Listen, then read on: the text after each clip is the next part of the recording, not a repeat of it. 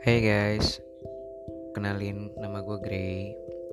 Di sini gue bikin podcast bertujuan untuk bantu nyemangatin kalian ngeliat berbagai hal yang negatif coba dirubah untuk jadi hal yang positif. Gak ada salahnya kan?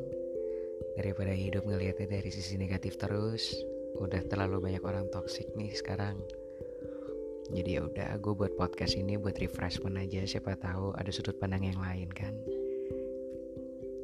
by the way gue bukan seorang ahli atau psikolog cuman suka memperhatikan orang-orang di sekitar gue dan sikap-sikap mereka. Yang baik gue ambil yang jelek dibuang. Oke okay, enjoy. Thank you guys